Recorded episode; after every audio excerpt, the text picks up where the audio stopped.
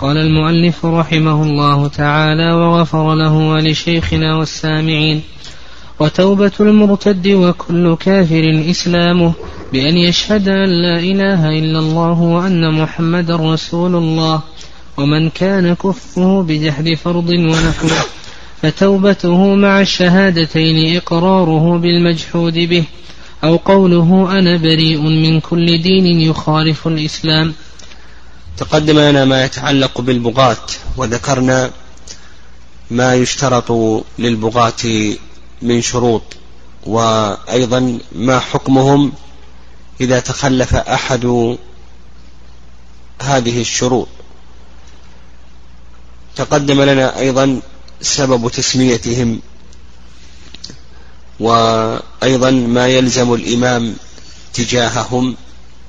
وحكم ما إذا اقتتلت طائفتان لعصبية أو قبيلة وضمان ما أتلفته هاتان الطائفتان إلى آخره. ثم شرعنا بعد ذلك في أحكام المرتد وأن المرتد هو الذي يكفر بعد إسلامه.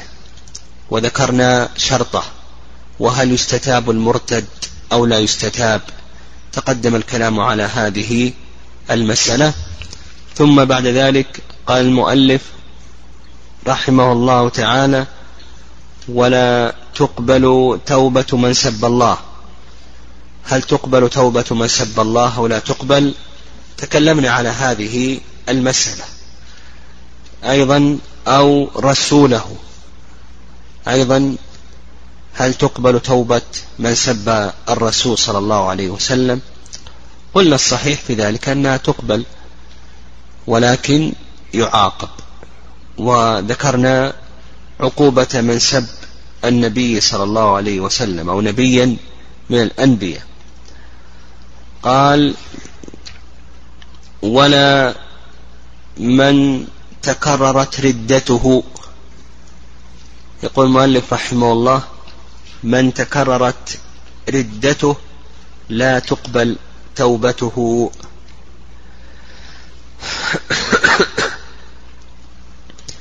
وهذا المشهور من مذهب الإمام أحمد. نعم المشهور من مذهب الإمام أحمد رحمه الله أن من تكررت ردته لا تقبل توبته. لقول الله عز وجل إن الذين كفروا إن الذين آمنوا ثم كفروا ثم آمنوا ثم كفروا ثم ازدادوا كفرا. لم يكن الله ليغفر لهم ولا ليهديه ولا ليهديهم سبيلا. فقال لم يكن الله ليغفر لهم ولا ليهديهم سبيلا. مما يدل على أن توبتهم غير مقبولة. وعند جمهور أهل العلم أن من تكررت ردته توبته مقبولة لعموم أدلة قبول التوبة. ومن ذلك قول الله عز وجل قل للذين كفروا إن ينتهوا يغفر لهم ما قد سلف. وأيضا قل يا عبادي الذين أسرفوا على أنفسهم لا تقنطوا من رحمة الله. إلى آخره. وأما الآية التي استدل بها الحنابلة فهذه ليس فيها أنه تاب. المو... التي الذي فيها نعم الله عز وجل قال ثم ازدادوا كفرا. نعم لم يكن الله ليغفر لهم. قال ثم ازدادوا كفرا. فهنا آه، أصروا على كفرهم وازدادوا كفرا على كفرهم. فنقول هنا بأن توبتهم غير مقبولة. هؤلاء الذين ازدادوا كفرا لأنهم أصلا لم يتوبوا. قال رحمه الله بل يقتل بكل حال. نعم يقتل بكل حال.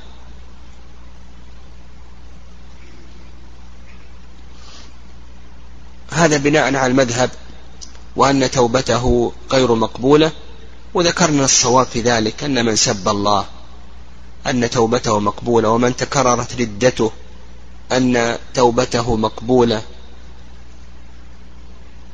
لكن لا بد أن تقوم القرائن الدالة على صدق التوبة وصلاح السريرة والباطنة. قال بل يقتل بكل حال إلى آخره وتوبة المرتد إلى آخره. لم يذكر المؤلف رحمه الله ما يتعلق بسب الصحابة. والظاهر تقدم لنا تكلمنا على سب الصحابة في شرحنا وقت الإسلام. ها؟ أو ما تكلمنا عليه؟ تكلمنا عليه الظاهر. ها؟ نعم سب الصحابة ذكرنا الظاهر تكلمنا عليه. ها؟ في التفصيل. ذكرنا تحت نعم أن سب الصحابة تحته كم من قسم؟ لا أكثر. أي نعم قال ذكرنا ستة أقسام. نعم نعيد على سبيل الاختصار. والإجمال نقول سب الصحابة ينقسم إلى أقسام. القسم الأول أن أن يسبهم كلهم أو جلهم يعني معظمهم بما يطعن في دينهم أو عدالتهم فهذا كفر. إذا سب الصحابة كلهم أو جلهم بما يطعن في دينهم أو عدالتهم فهذا كفر وردة يعني قال الصحابة كفار أو فساق نحو ذلك.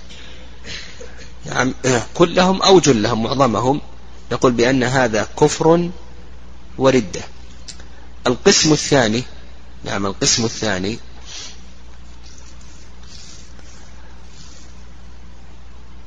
أن يسب من تواترت النصوص بفضله بما يطعن في دينه أو عدالته فهذا أيضا كفر وردة. واختلف العلماء رحمهم الله في من هو ما الذي تواترت النصوص بفضله فقيل بأنهما الشيخان وقيل بأنهم الخلفاء الأربعة إلى آخره. القسم الثالث القسم الثالث؟ أن يسبهم كلهم أو جلهم بما لا يطعن في دينهم وعدالتهم كما لو سبهم ببعض الصفات القبيحة كالبخل والجهل وعدم الدراية ونحو ذلك. فهذا فسق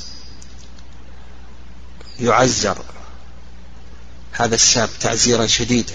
القسم الرابع أن يسب من لم تتواتر النصوص بفضله بما يقدح في دينه أو عدالته فهذا أيضا موضع خلاف. هل هو كفر أو فسق؟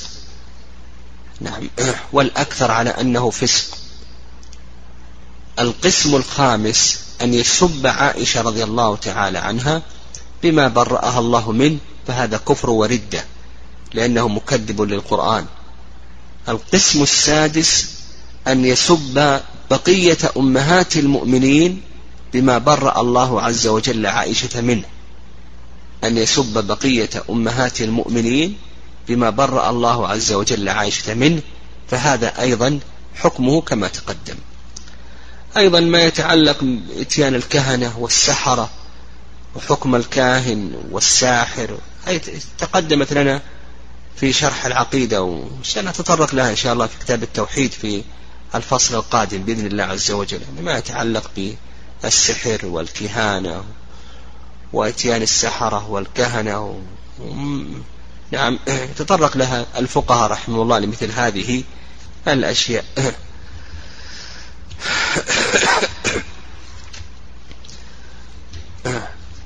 نعم قال المؤلف رحمه الله تعالى وتوبة المرتد وكل كافر إسلامه بأن يشهد أن لا إله إلا الله وأن محمدا رسول الله نعم بأن يشهد أن لا إله إلا الله وأن محمدا رسول الله ومن كان كفره بجحد فرض ونحوه فتوبته مع الشهادتين إقراره بالمجحود أو قوله أنا بريء من كل دين يخالف الإسلام. المرتد توبته تحصل بأمرين. الأمر الأول رجوعه عن السبب الذي اقتضى له الردة. فإذا كان السبب الذي اقتضى له الردة جحد تحريم حلال أو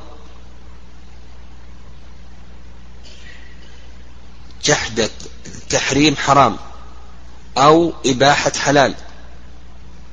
جحد تحريم الخمر أو جحد تحريم الزنا. لا بد أن يرجع عن ذلك. أو جحد إباحة أكل الخبز. لا بد أن يرجع عن ذلك. فالأمر الأول لا بد أن يرجع عن السبب الذي اقتضى الردة. الأمر الثاني لا بد أن يشهد الشهادتين كما ذكر المؤلف رحمه الله تعالى.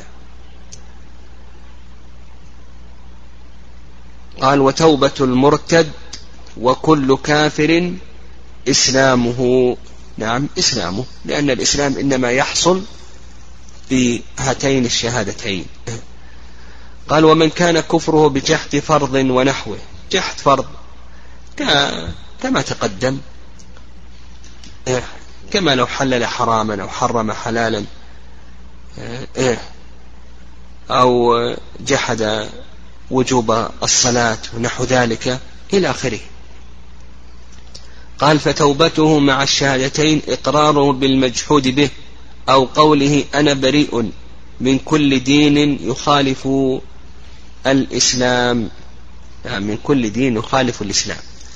فلا بد من هذين الأمرين في توبة المرتد أن يرجع عن السبب الذي اقتضى له الردة وأن يأتي بالشهادتين. نعم نعم. انتهى باب الردة به هذا انتهت انتهى ما يتعلق بالحدود. بالنسبة للمرتد يكون محجورا عليه فيما يتعلق بأمواله. وهذا نوع من أنواع الحجر. يعني فيمنع من التصرف في أمواله حتى يعني حتى يتبين أمره. إما أن يرجع إلى الإسلام فترجع إليه أمواله وإما أن يقتل فتكون أمواله فيئا. في بيت مال المسلمين فيمنع من التصرف في أمواله. لكن يخرج منها الواجبات يعني هو يمنع من التصرف فيها لا يبيع لا يشتري لا يهب إلى آخره. لكن ما يتعلق بالواجبات من قضاء الديون والإنفاق عليه وعلى أولاده تخرج.